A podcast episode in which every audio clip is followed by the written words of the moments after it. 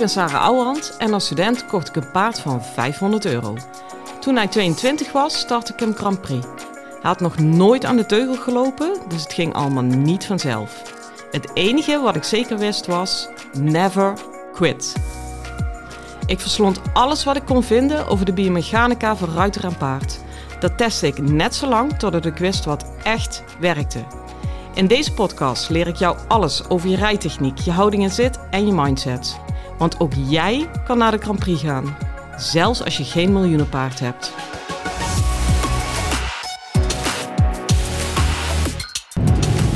Hey, lieve paardenmensen. Jongens, het begint echt herfst te worden. Het is wel nog verrekte warm. Dat is ook heel raar, een beetje drukkend klef. Maar ik zie de bladeren duidelijk verkleuren. Alles is op zich nog groen, maar ik let er altijd heel erg op. Omdat ik heel erg hou van de signalen van de natuur. Nou, uh, dat gaat gebeuren. Dat betekent ook dat ik weer het winterseizoen inga van de clinics. Ik kom net van de Kro af. Daar heb ik een middag gestaan. De Kro is in Zeeland, voor de mensen die dat niet weten. Morgen sta ik ook weer in Zeeland, bijna bij de buren van de Kro. Dan over twee weken sta ik in Domburg in Zeeland. En ik kreeg al een aanvraag, zag ik in mijn mail. Sorry jongens dat ik nog niet gereageerd heb. Of ik iedere maand naar Zeeland Vrouwenpolder wilde komen. Kortom, waarom ga ik niet Zeeland wonen? Maar ja, dat kan ik eigenlijk ook zeggen over Noord-Holland en een aantal mensen Achterhoek en het noorden. Um, ja, ik blijf toch maar in Brabant. Speaking about that. Nou, jullie zijn nou toch op de hoogte. Wij hebben heel slecht nieuws gekregen over de financiering. Dus in ieder geval de belangrijkste bank, die motherfuckers hadden al mondeling akkoord gegeven. Ja, die hebben gezegd, nou we doen het toch maar niet. En uh, ja, zoals dat gaat, daar word ik nog het meest woest van. Gewoon afwijzing geven. Zonder reden en ze zijn niet meer bereikbaar. Kortom, u zoekt het maar uit. Nou, ik moet je heel eerlijk zeggen, dat was vanochtend vanuit dat gevoel, vanuit die gedachte, met dat nieuws, reed ik naar de clinic toe. Ja, ik ben wel eens uh, beter naar een clinic gereden. Het is echt, uh, wij hadden er, ja, het was eigenlijk al 100% toegezegd, mondeling. En nou ben ik natuurlijk ook niet achterlijk dat ik ook echt iedere keer er heel netjes bij heb gezegd als ik tegen iemand zei van ja, uh, de handtekening staat nog zien, eerst zien dan geloven. Ja, en dan merk je dat dat maar beperkt stuurbaar is in je verwachtingen. Want de tussenpersoon belde dat ze het toch niet gaan doen. Ja, het was echt een klap in mijn gezicht. Echt. Uh, daarmee vervalt heel veel potentieel om het te kunnen laten lukken. En ik wil dat het lukt. Um, ja, ik zit te twijfelen wat zal ik over zeggen. Want ik kan natuurlijk heel sociaal wenselijk van oh ja, never quit en ga door en dit en dat. Maar ik weet tegelijkertijd, dit is sowieso de koers hè, don't get me wrong. Maar ik weet tegelijkertijd dat dat alleen maar kan als ik mezelf volledig toesta. Om minstens één, het liefst twee dagen echt voluit te balen. Omdat ik het anders onder het tapijt schuif. En dan gaat het onbewust overal zitten etteren. En dan gaat het pas echt het eh, proces frustreren. Zo werkt dat met paarden ook. Dus uh, vandaag was mijn baaldag. Nou, je zou het na kunnen vragen, maar ik denk niet dat iemand iets aan me gemerkt heeft. Ja, ik was wat scherper. Allah, Allah. Maar ze zullen echt niet zeggen van, nou, je hebt vanochtend een klap in je gezicht gehad. Dat is ook een stukje professionaliteit die ik natuurlijk altijd heel erg hoog hou. Maar dat komt ook iets wat ik al eerder heb aangestipt, dat ik een bepaalde vorm van concentratie heb zodra ik in die baan sta ja, daar komt gewoon weinig meer, meer langs. Dus ook geen kutbank die zijn belofte niet nakomt. Nou, nu komt hij wel eruit. Goed, mag hij even? Parallel daarmee, dat vind ik wel meteen mooi om te vertellen, is um, dat je ook snapt waarom ik juist wel alle ruimte geef om te balen en te vloeken en dan maar fucking negatief te zijn. En dan zal het maar dat ik daarmee de verkeerde dingen aantrek. Maar ja, ik ben gewoon niet blij. Uh, er was één dame bij die kent veel angsten. Thuis niet meer. Thuis is ze dat al opgelost. Nou, dat vind ik al rete knap. Op vreemd terrein blijkbaar nog wel. Hoewel zij vond dat dat minder was. Dat ze, ze had verwacht dat ze het al meer had opgelost. En op vreemd terrein nou, vreemd, ja, wel. Ze was al heel lang niet meer geweest. Nou, ze, ze was te bang, ze kon niet opstappen. Dus het was echt even sky high. nou had ze ook wel de pech dat wij in een baan waren en daarnaast, ze zijn in het verbouwen bij de Kro. Daarnaast zijn ze, waren ze aan boren en schroeven in het draaien, lekker tegen die dunne wandjes aan. Dus ja, zijn het de ideale omstandigheden? Alles behalve. Dus in die zin snap ik haar. Maar in eerste instantie zag ik het niet aan haar. Maar ze zei, ja, ik stap echt niet zo op, want hij is helemaal hier de piep en dit en dat. En ik kijk naar dat paard. Ik denk, hebben wij het over hetzelfde paard? Ehm, want ik zag absoluut dat hij alert was. Maar ja, dat was het dan ook. Hij was gewoon alert. Tegelijkertijd wil ik het op geen enkele manier bagatelliseren. Want als ik iets gevaarlijk vind, is dat als eigenaren zeggen hij is niet oké. En dat ik zeg, ja, en daar komen de ongelukken van. Hè? Dus als een eigenaar dat aangeeft, neemt dat altijd 300% serieus. Ongeacht wat ik zie, ongeacht wat ik voel. Ehm, en misschien wel daardoor dat zij brak en aangaf, ik zit zelf propvol spanning ja, dat realiseer ik me eigenlijk nu pas. Want ik weet bijna zeker, als ik op dat moment had gezegd: Oh nee, hij is oké, okay, is of zo, dan was zij met mij de strijd aangegaan. Of had zich weg laten drukken door mij. In de, in de discussie over de vraag of het paard wel of niet stress had. Terwijl dit ze vraag niet. Het punt was dat zij tot over de oren erin zat.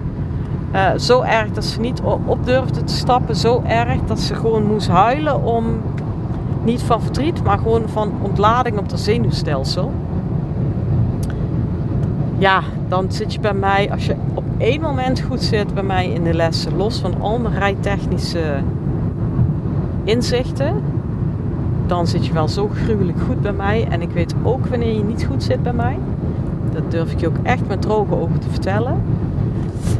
Maar uh, ja, ik scan haar lichaam dan. Kijk, zij is haar paard aan scannen, maar ik scan haar lichaam.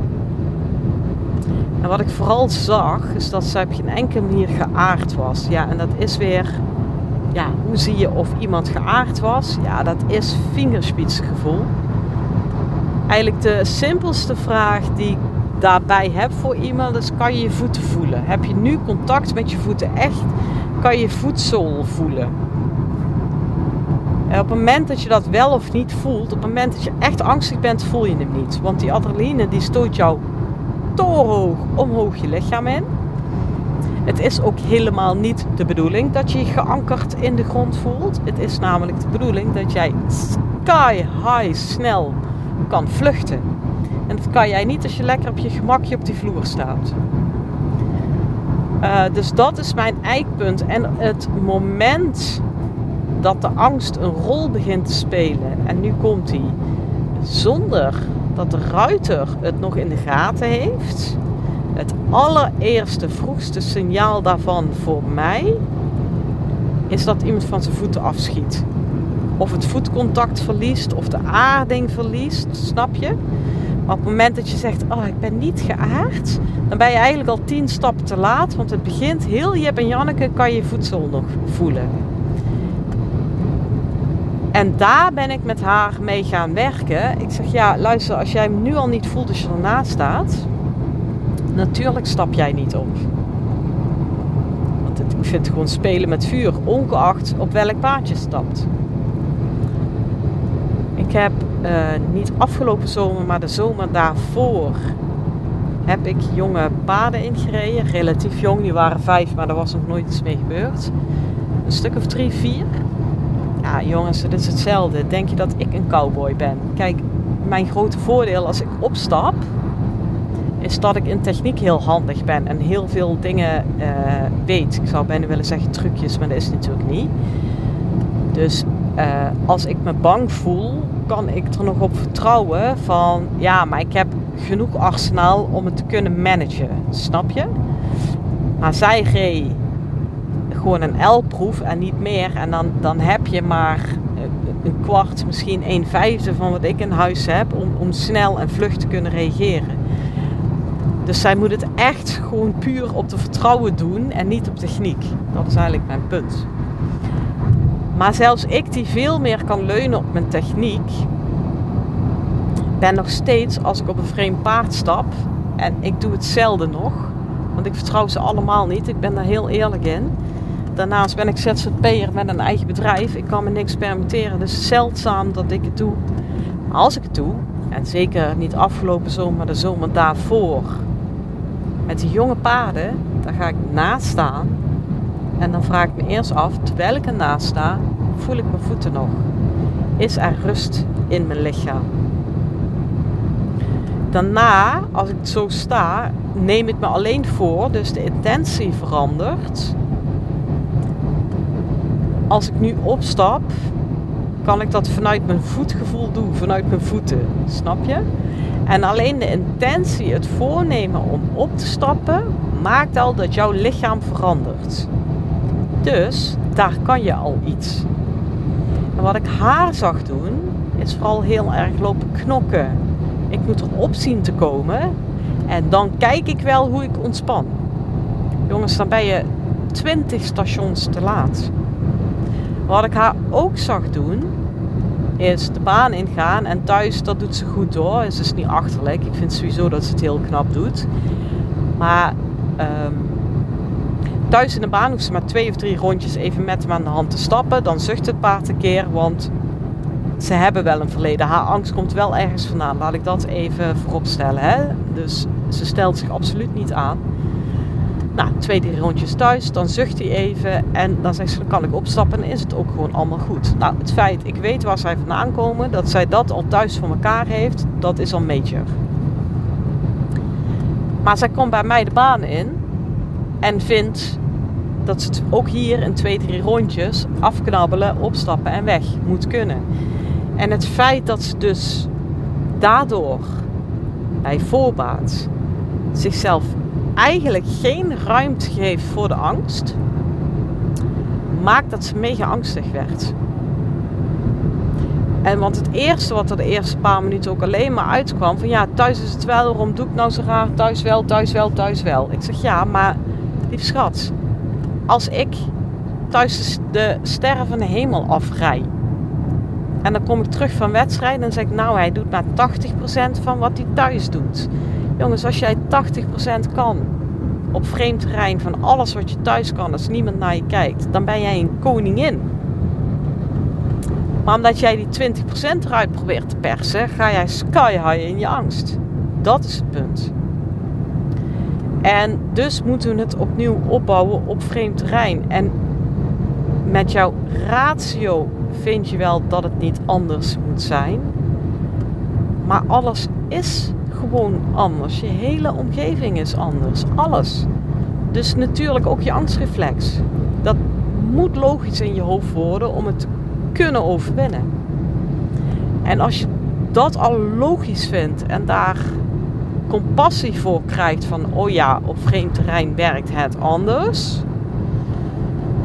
Dat is al, voel je hem? Dat is al zo'n uh, openende, geruststellende gedachte dat je daardoor nog maar de helft aan angstreflex krijgt. En het is geen trucje. Het is niet, ga niet in de auto zitten en gewoon puur op ratio zeggen, ja, op vreemd terrein is het anders. Want je, kunt dit niet trekken.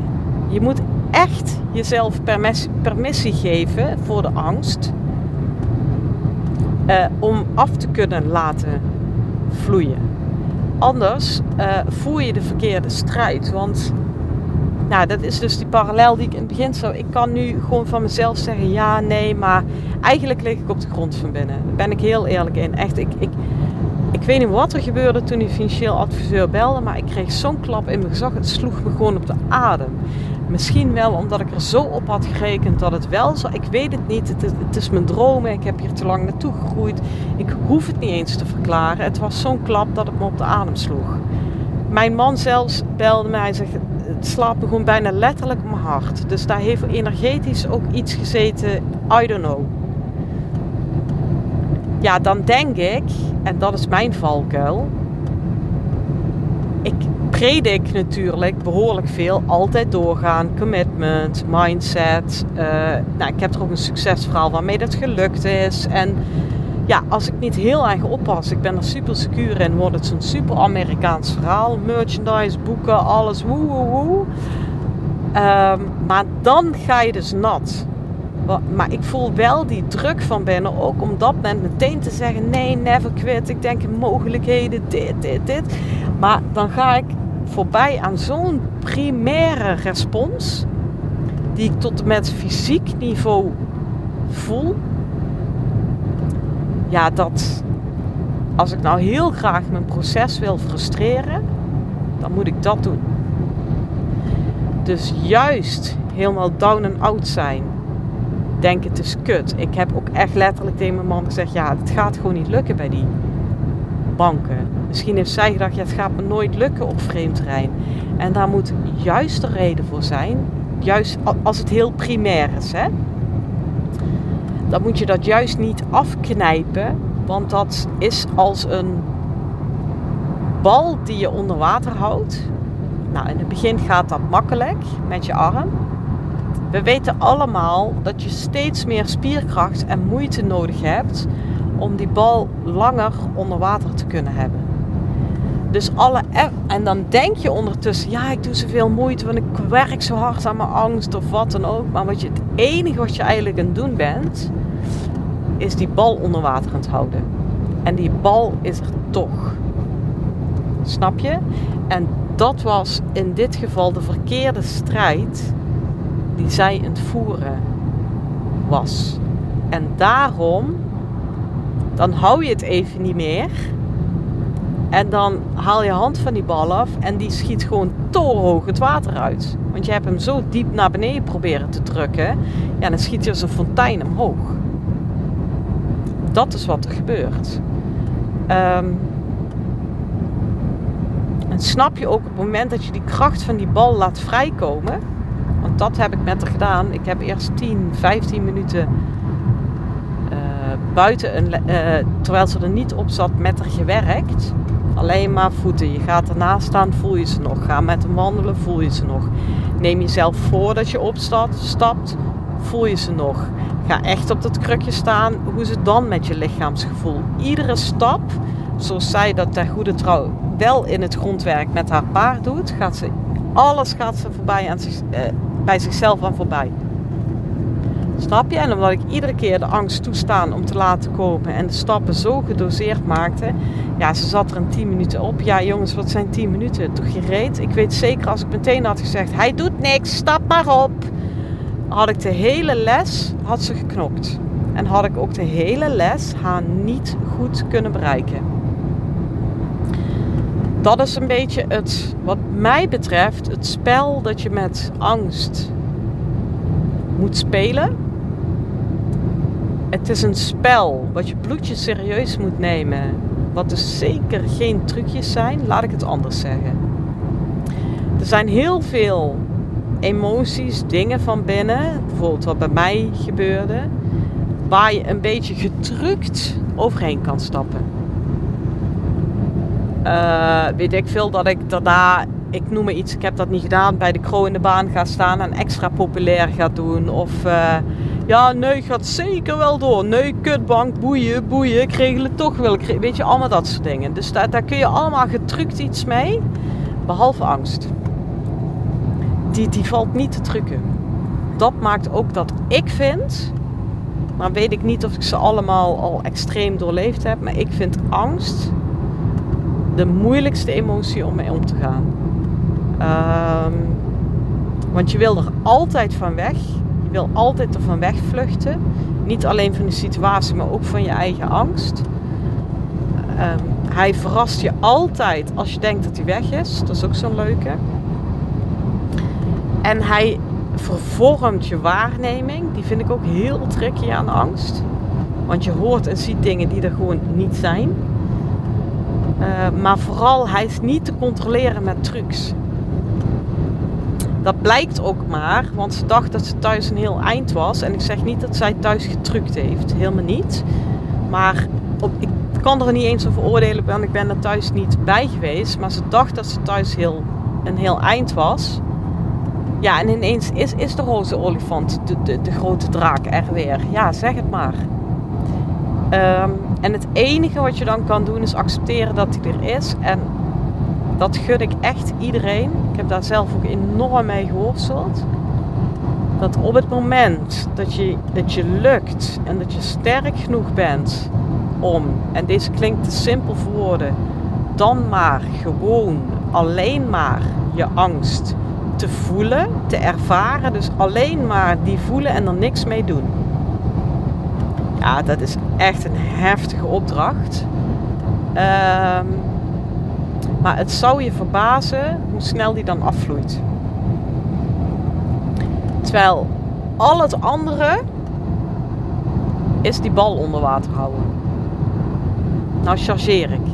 En ik zeg niet, uh, kijk, dit, dit, is heel erg vanuit de voeten, hè? vanuit het lichaamswerk. Dat is natuurlijk helemaal mijn uh, straatje. Misschien heb je daar niks mee. Ik heb overigens nog nooit, bedenk ik me nu, met een ruiter gewerkt die daar niks mee had. Dat is eigenlijk ook wel bijzonder. Dus iedereen heeft daar meteen wel een beeld of een gevoel bij. Maar ja, uh, misschien jij niet, maar verzin dan iets anders. Verzin een eikpunt, iets wat je doet in je eigen lichaam of in je eigen gedachten. Dat is een soort van safety pin. En als daar verandering in komt, weet je, ik voel me niet meer veilig. Als zij niet naast hem kan staan en met de intentie ik stap op met voetgevoel, dan weet ik als je nu opstapt, stapt er een lege huls op, gaat gegarandeerd mis. Ja, is dat een enorme investering om dan stapje voor stapje al die stapjes te nemen waarbij je het lichaamscontact houdt? Ja. Is die waard 10.000 procent? Ik durf je zelfs te zeggen, dat is de enige manier waarop ik uiteindelijk uh, een foutloze vloeiende Grand Prix proef heb kunnen rijden. Kijk, en wat voor haar rijden op vreemd terrein was, dat was voor mij de Grand Prix proef rijden. Want het, dat moet je dan ook weten, daar kwamen bij mij mijn diepste angsten in samen. Um, nou, ik denk dat dit punt uh, luid en duidelijk gemaakt is. Dat betekent ook dat ik ja, mezelf nu volledig toesta om bloedje scheidchagrijnig te zijn. Het valt overigens wel mee. Dat merk ik iedere keer bij deze podcast. Als ik aan het einde van de podcast ben, dan denk ik altijd van... ach, het valt ook eigenlijk wel mee. Hoe dan ook heb ik een flinke klus te klaren. Want bij de banken zijn we momenteel wel een beetje uitgeluld. Maar ik wil toch dat het doorgaat. Dus uh, ja, nou goed, weet je, nou voel ik hem ook en daar ga ik mee afronden. Nou verplicht ik mezelf naar jullie toe om positief af te ronden, want ik ben toch het voorbeeld in Never Quit. Ja, maar ik voel me zo nu niet. Dus nou wil ik uh, toespraak Sarah. Nou wil ik uh, mezelf geforceerd zoiets zeggen ja, en dat lukt dus niet. Dus snijdt het geen hout. Dus jongens, ik, ik ga hem gewoon even helemaal open laten nu. Um, ik hoop oprecht dat als je met angst worstelt rondom je paard, dat je er wat aan hebt. Zoek je eigen stapjes uit. Geef jezelf lucht. En ik wens je voor nu een hele fijne dag. En veel plezier met je paard. Hoi!